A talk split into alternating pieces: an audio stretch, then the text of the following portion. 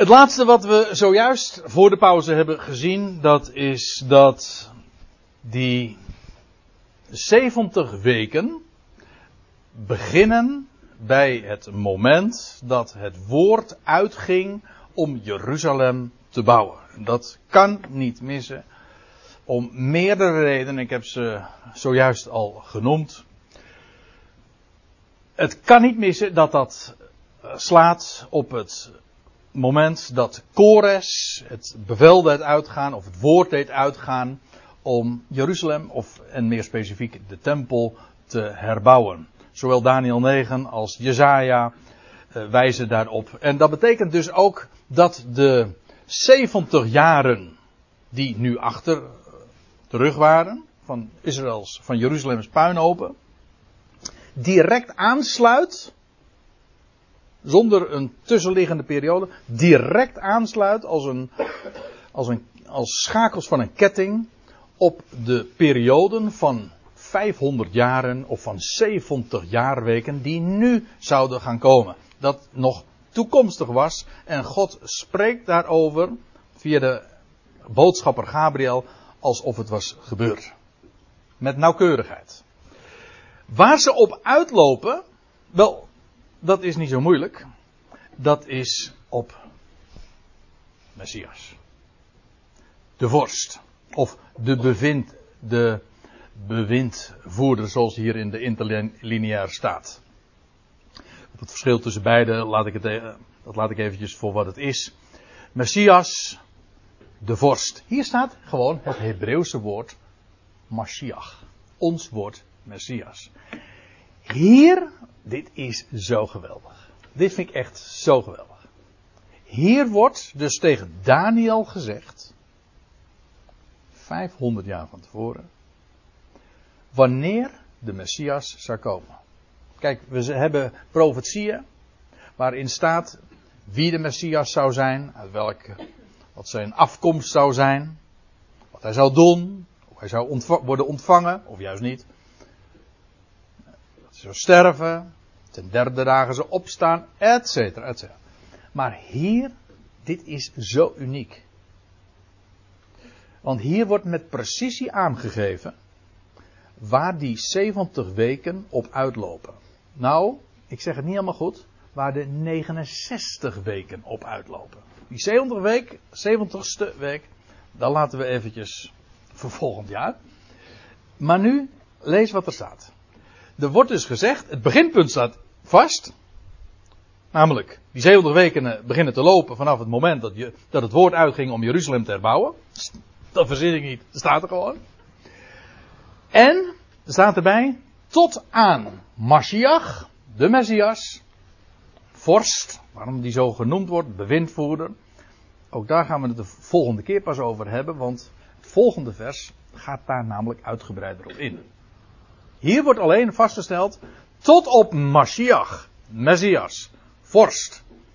Dat zijn zeven weken en 62 weken. Eigenaardig dat het zo geformuleerd wordt. En dat er niet staat gewoon 69 weken. De MBG-vertaling is hier trouwens erg misleidend. Daarom, het meest misleidende zegt, je zit hem juist met name in de weergave van dit, uh, dit zinnetje. Maar de Statenvertaling is hier gewoon correct. Tot op Mashiach, de vorst, zijn 7 weken en 62 weken. Er wordt hier dus een verdeling gemaakt in de termijn.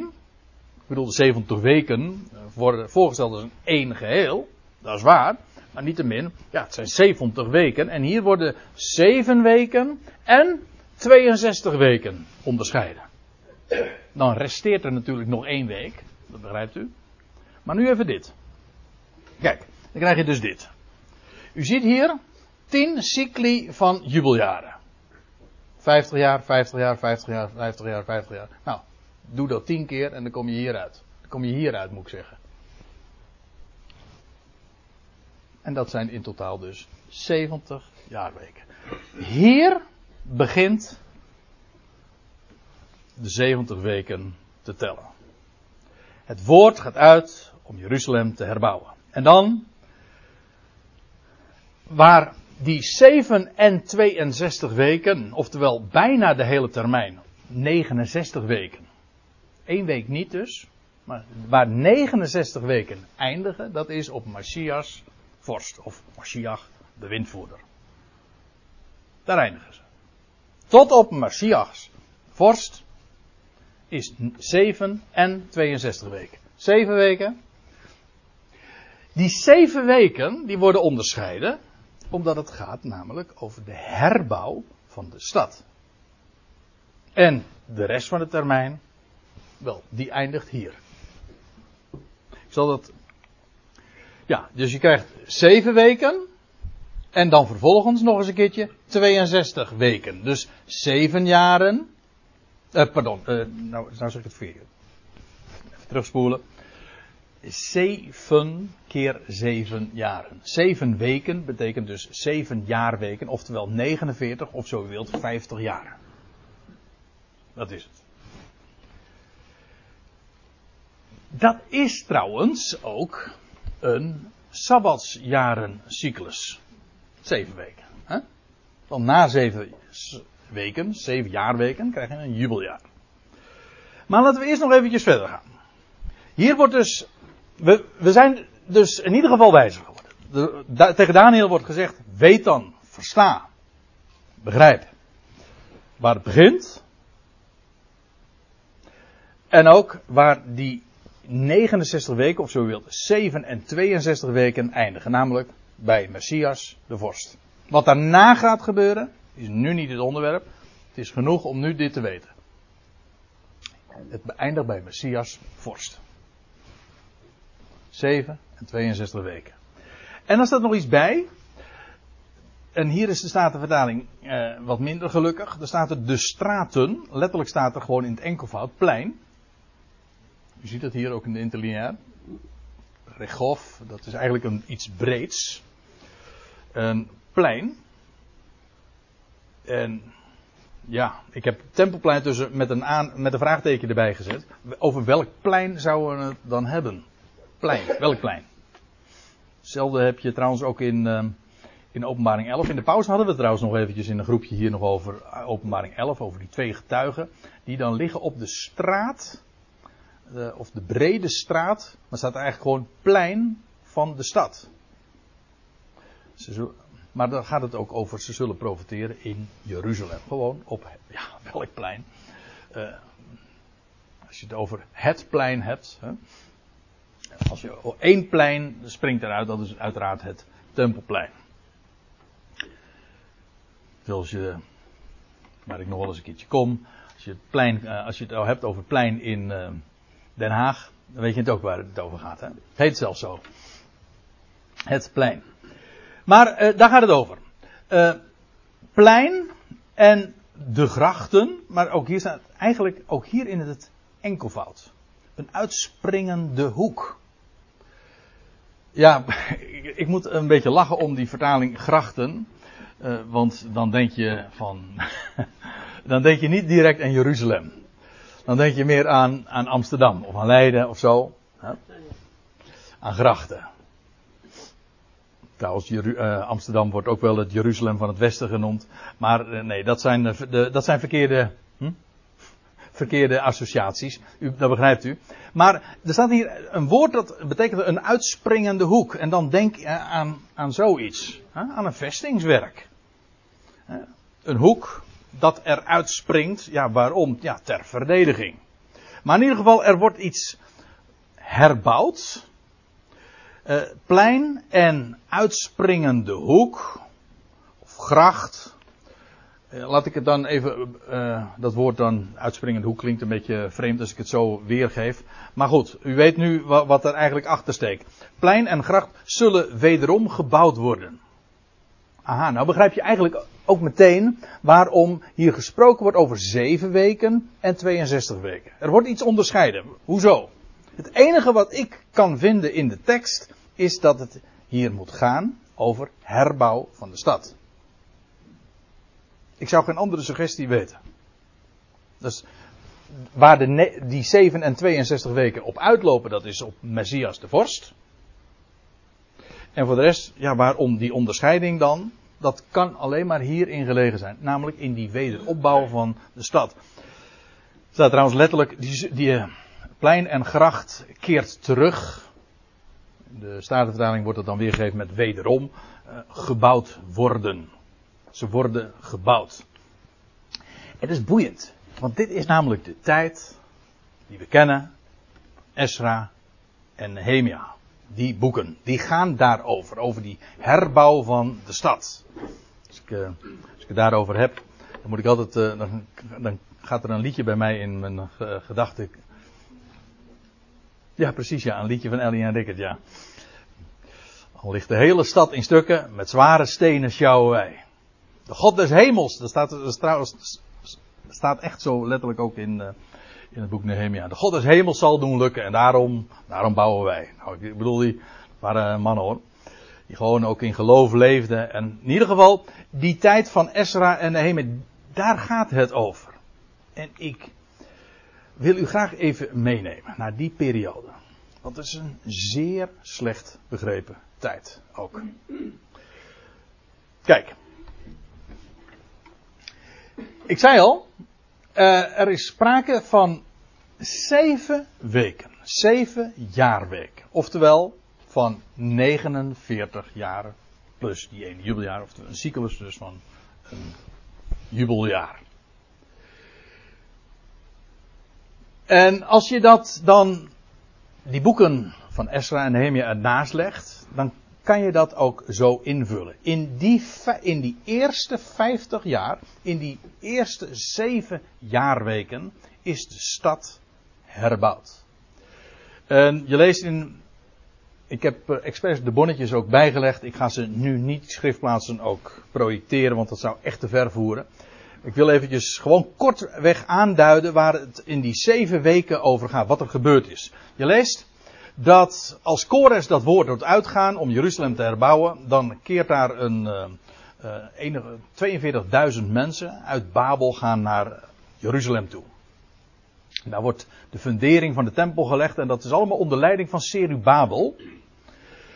En de hoge priester Yeshua of Joshua, de vertalingen geven hem verschillende weer. Maar die, dit tweetal, die komen, komen iedere keer weer terug. En dan in het tweede jaar van de terugkeer wordt de herbouw begonnen. Het fundament wordt gelegd. Trouwens, het eerste wat ze doen voordat de tempel herbouwd wordt, het eerste wat ze doen is trouwens, is de, is de altaar herstellen.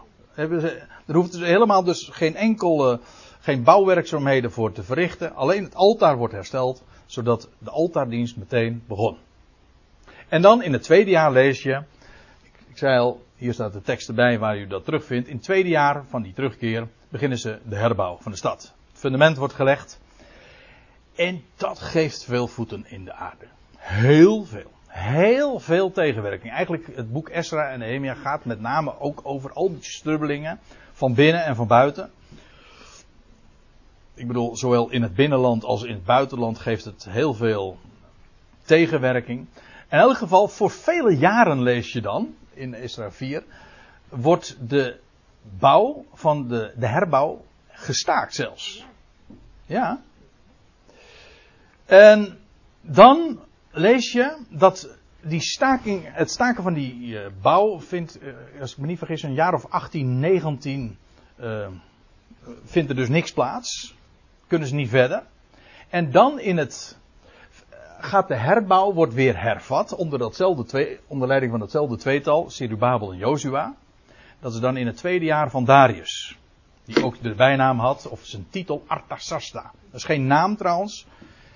Wat ik trouwens nu vertel, dit is allemaal. Uh, ja, hier is een heleboel gedoe over. Als tik het maar eens een keer in op internet, de chronologie van Ezra en Nehemia, en je krijgt heel veel artikelen. Er is een heleboel gedoe over. Maar, ik zei al, we houden ons gewoon puur aan de Bijbelse gegevens. Dus wij hebben niet het probleem om het te matchen met de gangbare chronologie. Dus dat probleem heb ik niet gewoon. Met dit uitgangspunt. En als u zegt van ja, maar dat probleem heb ik wel, dan zeg ik nou gefeliciteerd. Zoek het maar uit. Ja. Ik weet één ding, de schrift klopt. En de rest is heel veel natte vingerwerk. En als het gaat over deze periode, Echt waar, er is zoveel natte vingerwerk bij. Men weet het niet zeker. Het is allemaal gissen. Daarom ben ik zo blij met dit solide fundament. In ieder geval, in het tweede jaar van Darius, die later uh, Artaxerxes of Artaxerxes, dezelfde, ging heten. Eigenlijk, dat is een titel, dat betekent gewoon grote koning.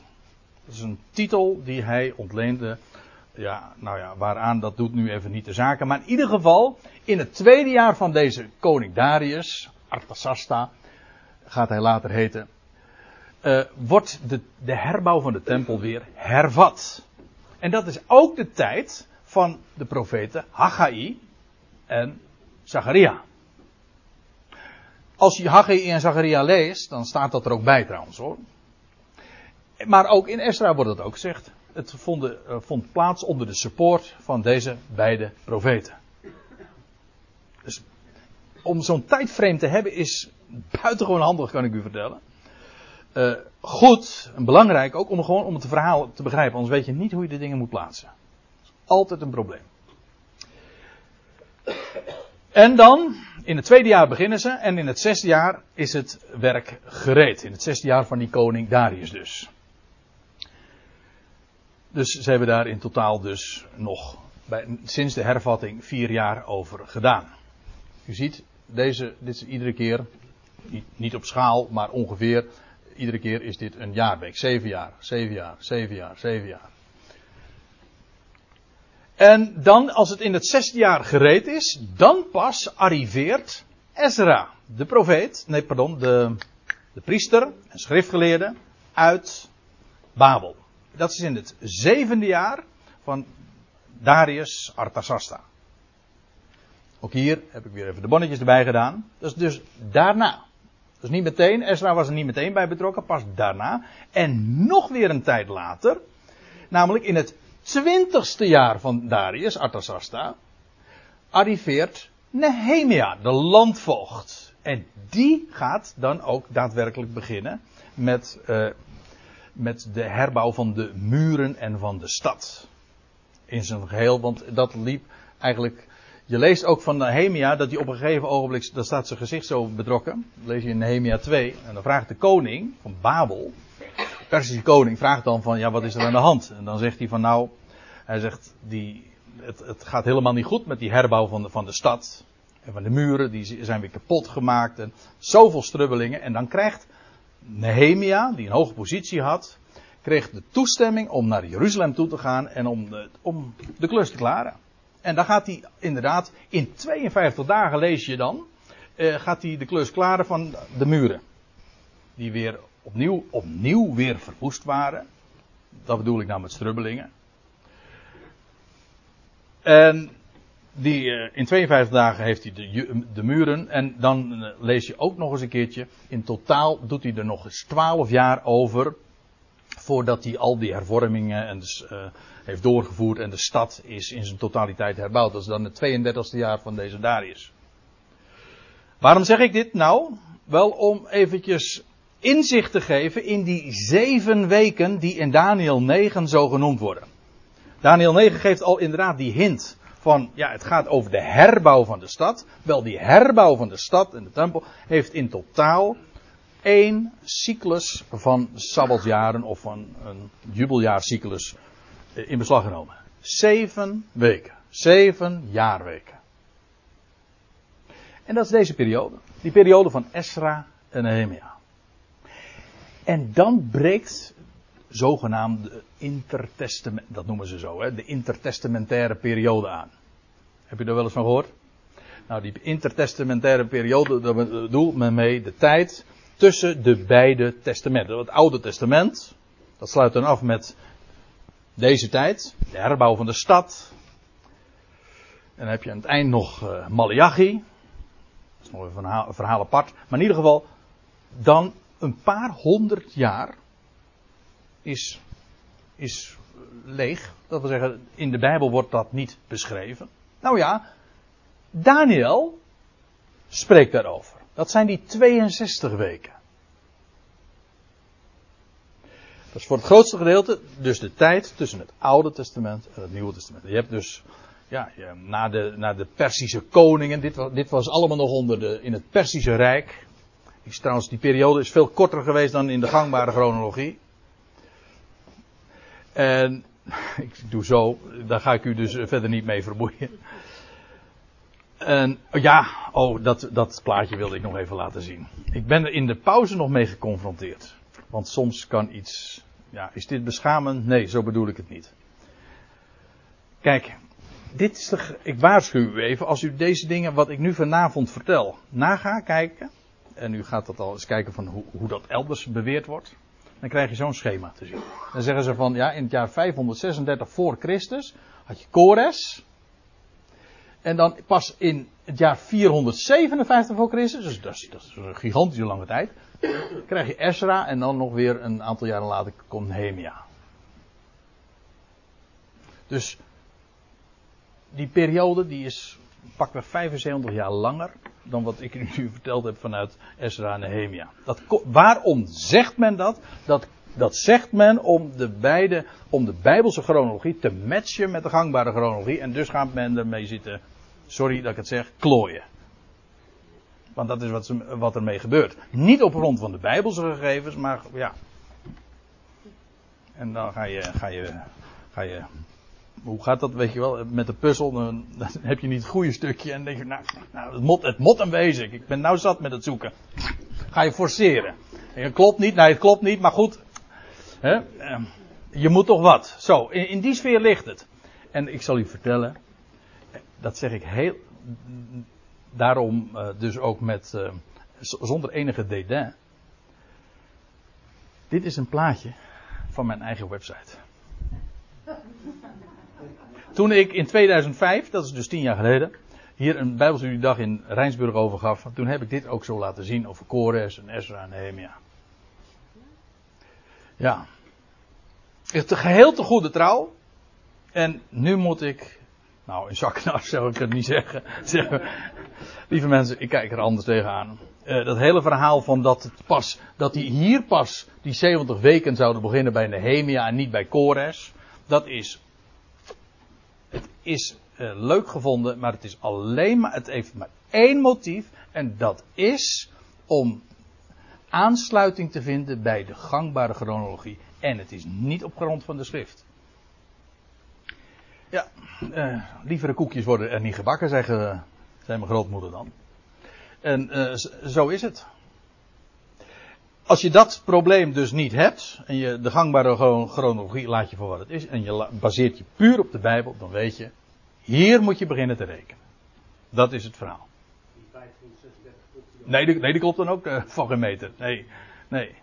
Nee, want ook die hele Persische koningslijsten, misschien, is, nou, misschien dat ik het daar bij een andere gelegenheid nog eens even over moet hebben, uh, die is veel te lang. Is hetzelfde als met die Egyptische koningslijsten.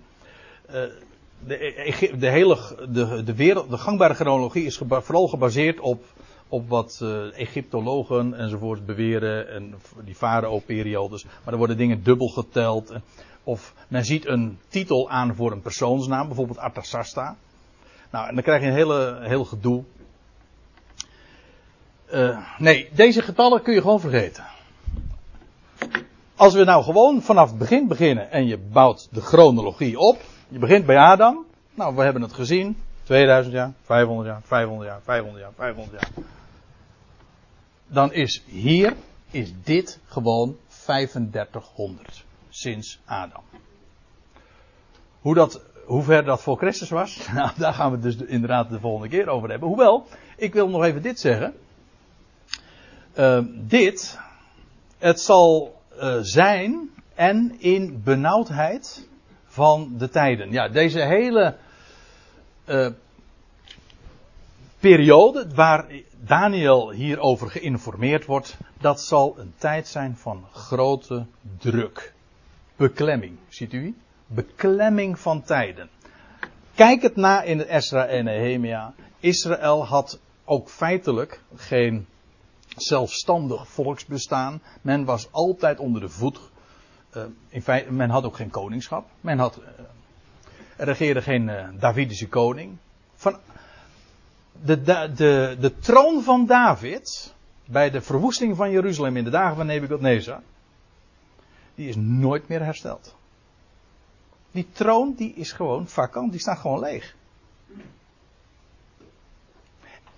De Bijbel zegt, die troon gaat gewoon weer hersteld worden. Dat is precies ook wat elke Jood weet. Waarom?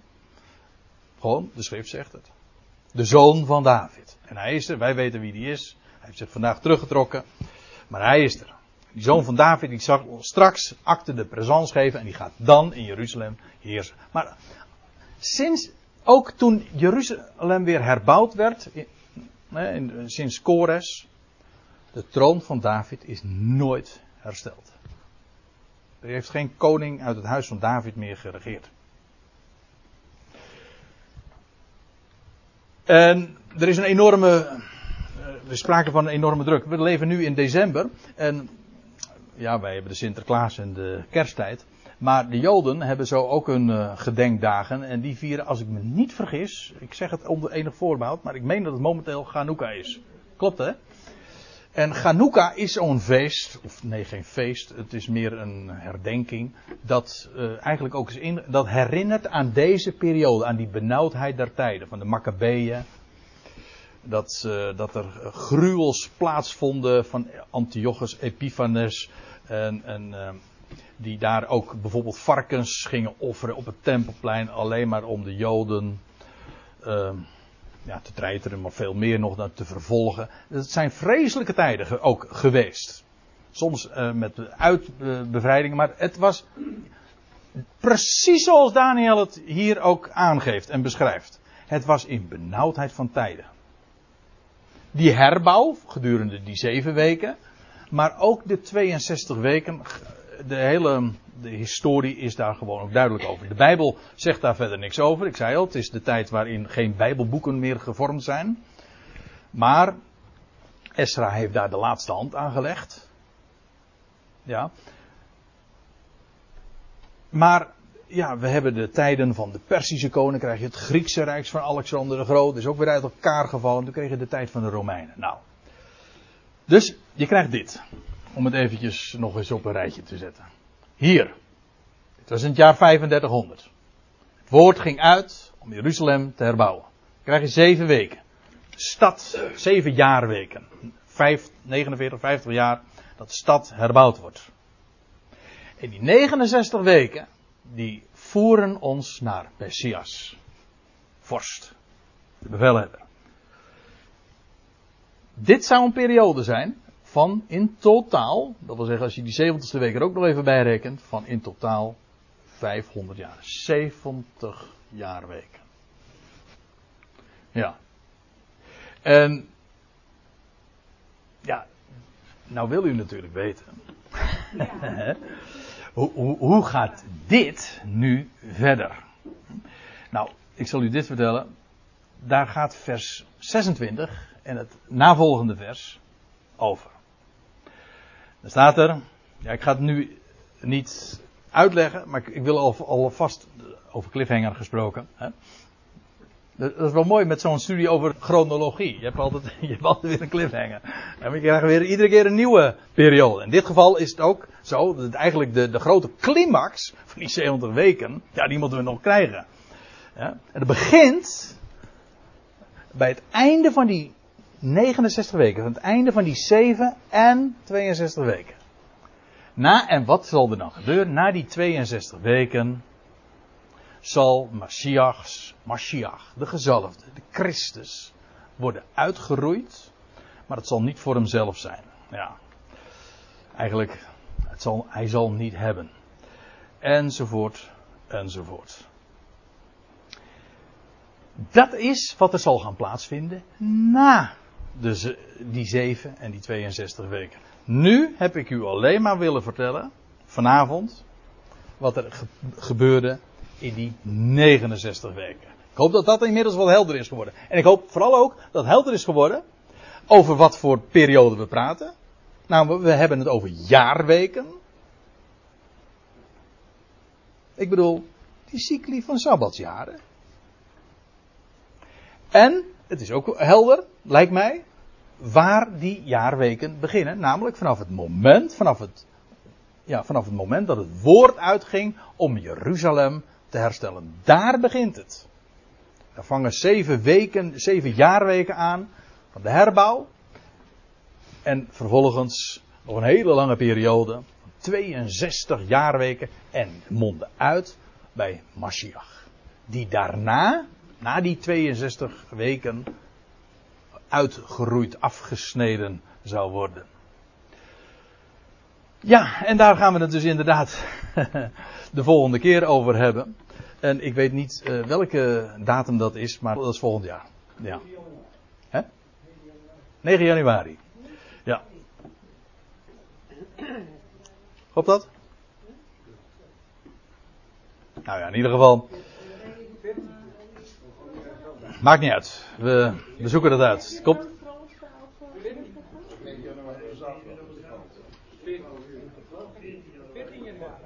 Ja? Oudejaarsavond. kijk, kijk hoeveel. Ja, dat wordt vuurwerk. ja, nou, uh, berg u maar, want uh, ja, er moeten wel wat uh, varkentjes gewassen worden. Ja, u weet het, ja, dat heb je met onreine dieren. Hè, die moeten dan gewassen worden. Ik vraag u. Nou, dat valt me reuze mee zeg. Had ik nooit gedacht.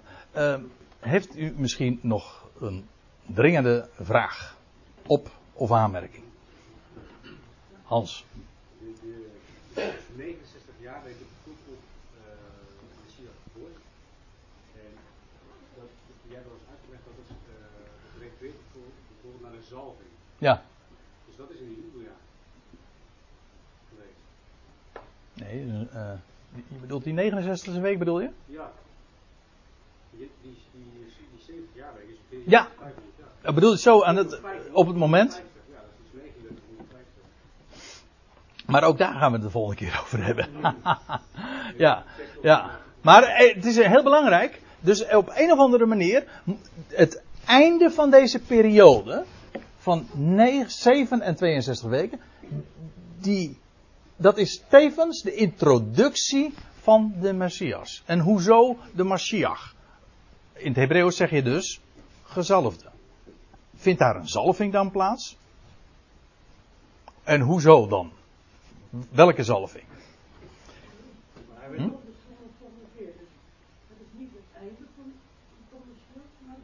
Ja, precies, ja. Tot, ja, precies, dat is het hele, dat is het punt, ja.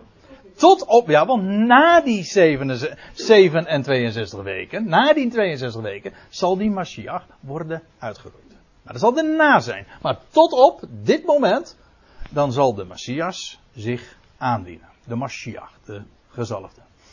Ja.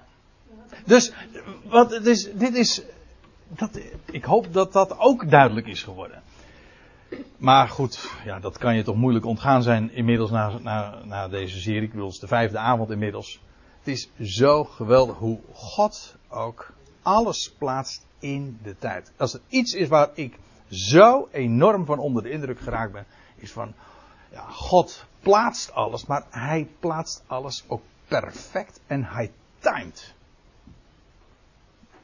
En niet zomaar, hij doet dat met precisie. En met dezelfde precisie als waarmee hij spreekt over het verleden, doet hij dat ook over de toekomst. Dit is wat. Dit is in wezen in dezelfde orde als wat God ooit tegen Abraham had gedaan, gezegd, over die 400 jaren die zouden eindigen bij de Exodus uit Egypte. En dat was inderdaad in het jaar en het, zoals gezegd, en de dag zelfs nauwkeurig. Nou, hier weer. Alleen hier een periode van 70 jaarweken. Van 500 jaar. Weer. Weer van 500 jaar. Dat kan toch allemaal geen toeval zijn? Iedere keer stuit je daar weer op. Eerst op 2000 jaar. En dan op 4 keer 500 jaar. Wat ook 2000 jaar is. En dan krijgen we trouwens nog een keer 2000 jaar. Maar daar zitten wij nu in. Maar dat is ook weer volgend jaar. Ja, het wordt, het wordt, dat is het leuke, het wordt steeds boeiender. het jaar van de zalving, van, de Messias, zeg maar. Ja? Welk jaar is dat in onze jaartelling? Wanneer? Hoe bedoel je? Nou, is dat uh, 20 na Christus? Uh... Nou ja, ja als, je dat, als je dat dus wil gaan zeggen, de Messias. Uh, de eerste vraag is, gaat dit? Maar dat is dus, ja, dan gaan we, ik, dan loop ik weer een beetje vooruit op eh, de, op de volgende keer. Eh, gaat het over zijn geboorte? Gaat het over een ander moment dat hij zijn openbare optreden begint? Dat hij gezalfd werd? En met welk jaar van onze jaartelling valt dat dan samen? Kijk, één ding is duidelijk. Hè? Uh, bij die Messias zijn we bijna, bij het aantreden van de Messias zijn we op zeven, of beter acht jaar verwijderd van het jaar 4000. Dus de, en dan, daarom wordt de vraag straks zo uh, boeiend. In welk jaar zitten we nu eigenlijk? Ah, ja, en dat wordt echt een A. Erlebnis. En dan, uh, ja, want dan krijg je de vraag van, hoe ver zitten we nog van het jaar 6000 af? Hoeveel? Hoeveel jaar zitten we daar nog van? Dat weten we, dat is al bekend in deze kamer. In welke kamer? In deze kamer. In deze kamer. oh, zeg bij deze. Ja? Ja, dat is bekend. Ja, ik, ja, maar ik wil, en dat is met opzet. Je zou natuurlijk hier eh, heel eh, spectaculair kunnen gaan doen. Ik wil gewoon de dingen rustig opbouwen. Gewoon blok voor blok. Gewoon bij alles wat ik zeg, wil ik gewoon de bonnetjes erbij leveren. Tot dusver heb ik dat, tenminste naar vermogen, gedaan. Zodat je weet van, oké, zo is het en het is aan u. Ik bedoel, ik doe het naar vermogen om het uh, zo door te geven. Ik leg, uh, ik, ik, ik, overweeg gewoon ook de, de, schriftplaatsen waar het op gebaseerd is. En het is aan u om dat te checken. En uh, spectaculaire dingen ehm, en voorspellingen, daar doen we niet aan. God voorzegt, God voorspelt niet. Hè. En daarom, de, over dat, soort dingen, ik wil niet voor de fanfare uitlopen, maar het komt wel ter sprake. Dat kan niet anders, want we gaan het hebben over deze Messias. En wanneer hij is uitgeroeid. En over die zeventigste week. En over de tijd die dan nog rest. Ja, want dan krijg je weer een periode. Ik loop voor, nu verloop ik echt vooruit op de zaken. Weer een periode van 2000 jaar. Ik, ik, stel voor dat we het hierbij laten. Maar uh, wat, uh, wat is het mooi om in een donkere wereld. En dat zeg ik niet alleen maar omdat het nu december is en de donkere dagen voor kerst. Maar wat is het geweldig om ons met recht te laten voorlichten in een donkere wereld door het woord, door God die gezegd, zo zal het gaan. Daar kun je gewoon op blind varen. Dat vind ik het mooiste wat er is. En dat uh, wens je iedereen toe. Zullen we het daarbij laten voor vanavond? En dan stel ik voor dat we nog afsluiten met dankgebed. Trouwe God en Vader, we danken u. Dat u die grote God bent. Die alles plaatst. En ook alles perfect in handen hebt. En timed. En doet zoals u dat hebt gepland. En dat u er nooit van afwijkt. Geen millimeter. En dat u niet toeft, maar dat u doet precies dat wat u aangekondigd hebt. En wat is het geweldig om op zo'n belofte, zo'n woord, op dat zwart op wit staat geschreven, daarop te mogen bouwen. Wat een geweldig uitzicht mogen we hebben. Met een God die ook zijn geweldige belofte, met betrekking tot ons, met betrekking tot Israël, tot de heilige stad, met betrekking tot de natie, ja, met de hele schepping, dat u dat gaat vervullen op een onovertroffen wijze. En dat door diepe wegen heen, en door oordelen en door gerichten heen, dat u alles op zijn plek gaat zetten. Op uw plek. Op de plaats die u daarvoor hebt bestemd. Dat we dat allemaal aan u mogen overlaten. Heer, we danken u dat we daarom mensen mogen zijn met rust in het hart. Met, we, met vrede alles mogen overgeven aan God. Die geen fouten maakt. Dat we daarom niet alleen vrede in het hart hebben, dat we vreugde hebben dat we hoop, een geweldig perspectief, een uitzicht mogen hebben. We danken u dat u ons met recht op de hoogte stelt, zodat we zulk uitzicht mogen hebben.